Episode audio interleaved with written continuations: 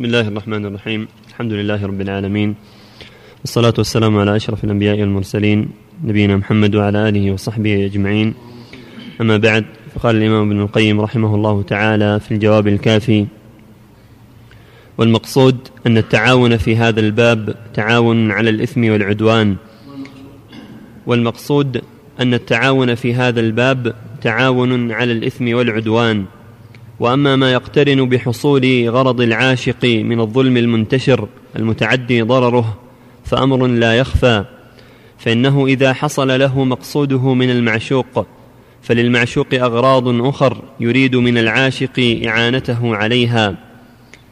فلا يجد من إعانته بدا فبقي كل منهما يعين الآخر على الظلم والعدوان. فالمعشوق يعين العاشق على ظلم من يتصل به من أهله وأقاربه وسيده وزوجه. والعاشق يعين المعشوق على ظلم من يكون غرض المعشوق متوقفا على ظلمه. فكل منهما يعين الآخر على أغراضه التي فيها ظلم الناس. فيحصل العدوان والظلم للناس بسبب اشتراكهما في القبح لتعاونهما بذلك على الظلم. كما جرت به العادة بين العشاق والمعشوقين من إعانة العاشق لمعشوقه على ما فيه ظلم وعدوان وبغي حتى ربما يسعى له في منصب لا يليق به ولا يصلح لمثله وفي تحصيل مال من غير حله وفي استطالته على غيره. فإذا اختصم معشوقه وغيره أو تشاكيا لم يكن إلا في جانب المعشوق ظالما كان أو مظلوما. هذا إلى ما, ما ينضم إلى ذلك من ظلم العاشق للناس بالتحيل على أخذ أموالهم والتوصل بها إلى المعشوق بسرقة أو غصب أو خيانة أو يمين كاذبة أو قطع طريق أو نحو ذلك. وربما أدى ذلك إلى قتل النفس التي حرم الله ليأخذ ماله ليتوصل به إلى معشوقه. وكل هذه الآفات وأضعافها وأضعاف أضعافها تنشأ من عشق الصور وتحمل على الكفر الصريح. وقد تنصر جماعة ممن نشأوا في الإسلام بسبب العشق كما جرى لبعض المؤذنين حين أبصر امرأة جميلة على سطح ففتن بها فنزل ودخل عليها وسألها نفسها فقالت هي نصرانية إن دخلت في ديني تزوجت بك. ففعل فرقي في ذلك اليوم على درجة عندهم فسقط منها فمات. ذكر هذا عبد الحق في كتابه العاقبة له. وإذا أراد النصارى أن يتنصر الأسير أروه امرأة جميلة وأمروها أن تطمعه في نفسها حتى إذا تمكن حبها من قلبه بذلت له نفسها إن دخل في دينها. فهنالك يثبت الله الذين آمنوا بالقول الثابت في الحياة الدنيا وفي الآخرة ويضل الله الظالمين ويفعل الله ما يشاء. وفي العشق من ظلم كل واحد من العاشق والمعشوق لصاحبه بمعاونته على الفاحشة وظلمه لنفسه ما فيه وكل منهما ظالم لنفسه وصاحبه وظلمهما متعد إلى الغير كما تقدم وأعظم من ذلك ظلمهما بالشرك فقد تضمن العشق أنواع الظلم كلها.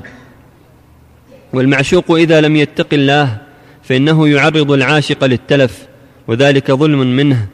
أن يطمعه في نفسه ويتزين له ويستميله بكل طريق حتى يستخرج منه ماله ونفعه ولا يمكنه من نفسه لئلا يزول غرضه بقضاء وطره منه فهذا يسومه سوء العذاب. والعاشق ربما قتل معشوقه ليشفي نفسه منه ولا سيما إن جاد بالوصال لغيره فكم للعشق من قتيل من الجانبين وكم قد أزال من نعمة. وافقر من غنى وأسقط من مرتبه وشتت من شمل وكم أفسد من أهل للرجل وولده فإن المرأة إذا رأت بعلها عاشقا لغيرها اتخذت هي معشوقا لنفسها فيصير, فيصير الرجل مترددا بين خراب بيته بالطلاق وبين القيادة فمن الناس من يؤثر هذا ومنهم من يؤثر هذا. فعلى العاقل الا يحكم على نفسه عشق الصور لئلا يؤديه ذلك إلى, إلى هذه المفاسد أو أكثرها أو بعضها. فمن, فمن فعل ذلك فهو المفرط بنفسه المغرور بها. فإذا هلكت فهو الذي أهلكها. فلولا تكرار النظر إلى وجه معشوقه وطمعه في وصاله لم يتمكن عشقه من قلبه. فإن أول أسباب العشق الاستحسان سواء تولد عن نظر أو سماع. فإن لم يقارنه طمع في الوصال وقارنه الإياس من ذلك لم يحدث له العشق. فإن اقترن به الطمع فصرفه عن فكره ولم يشتغل قلبه به لم يحدث له ذلك. فإن أطال مع ذلك الفكر في محاسن المعشوق وقارنه خوف ما هو أكبر عنده من لذة وصاله إما خوف ديني كدخول النار وغضب الجبار واحتقاب الأوزار وغلب هذا الخوف على ذلك الطمع والفكر لم يحدث له ذلك العشق. فإن فاته هذا الخوف فقارنه خوف دنيوي كخوف إتلاف نفسه أو ماله أو ذهاب جاهه وسقوط مرتبته عند الناس وسقوطه من عين من يعز عليه.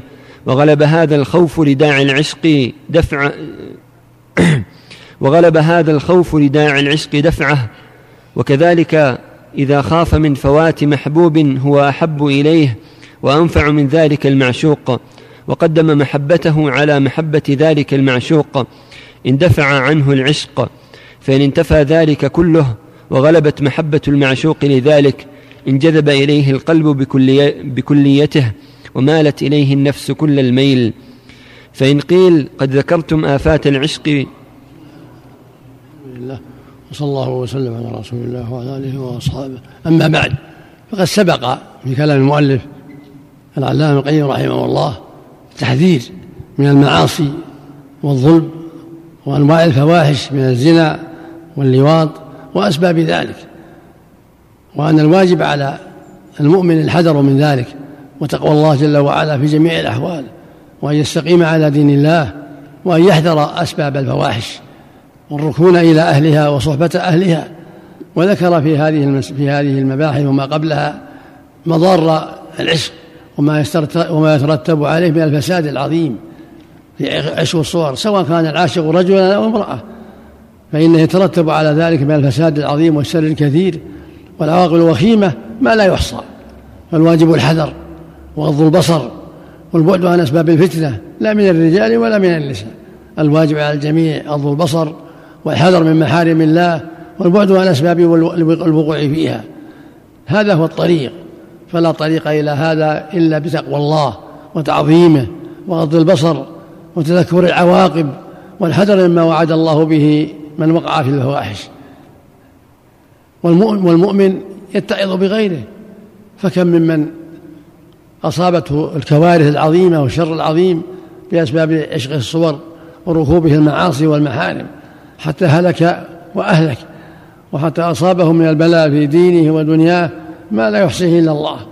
فالواجب على العاقل أن يحذر كل ما حرم الله عليه وأن يحذر أسباب العشق من النظر والخلوة وغير ذلك والتلذذ بالأصوات وغير هذا لا من الرجال ولا من النساء. والواجب على كل مؤمن أن يتقي الله وأن يستعف بما يسر الله من الحلال من زوجته وأن يحذر ما حرم الله عليه. وهي كذلك عليها أن تحذر ما حرم الله وأن تكتفي بما أباح الله لها من زوجها فهذا هو طريق النجاح هذا هو طريق السعادة. ومن تساهل مع البصر أو مع الكلام أو مع الخلطة فركب محارم الله هلك وأهلك ولا حول ولا قوة نسأل الله للجميع الهداية والعافية ولا حول ولا قوة إلا بالله. نعم.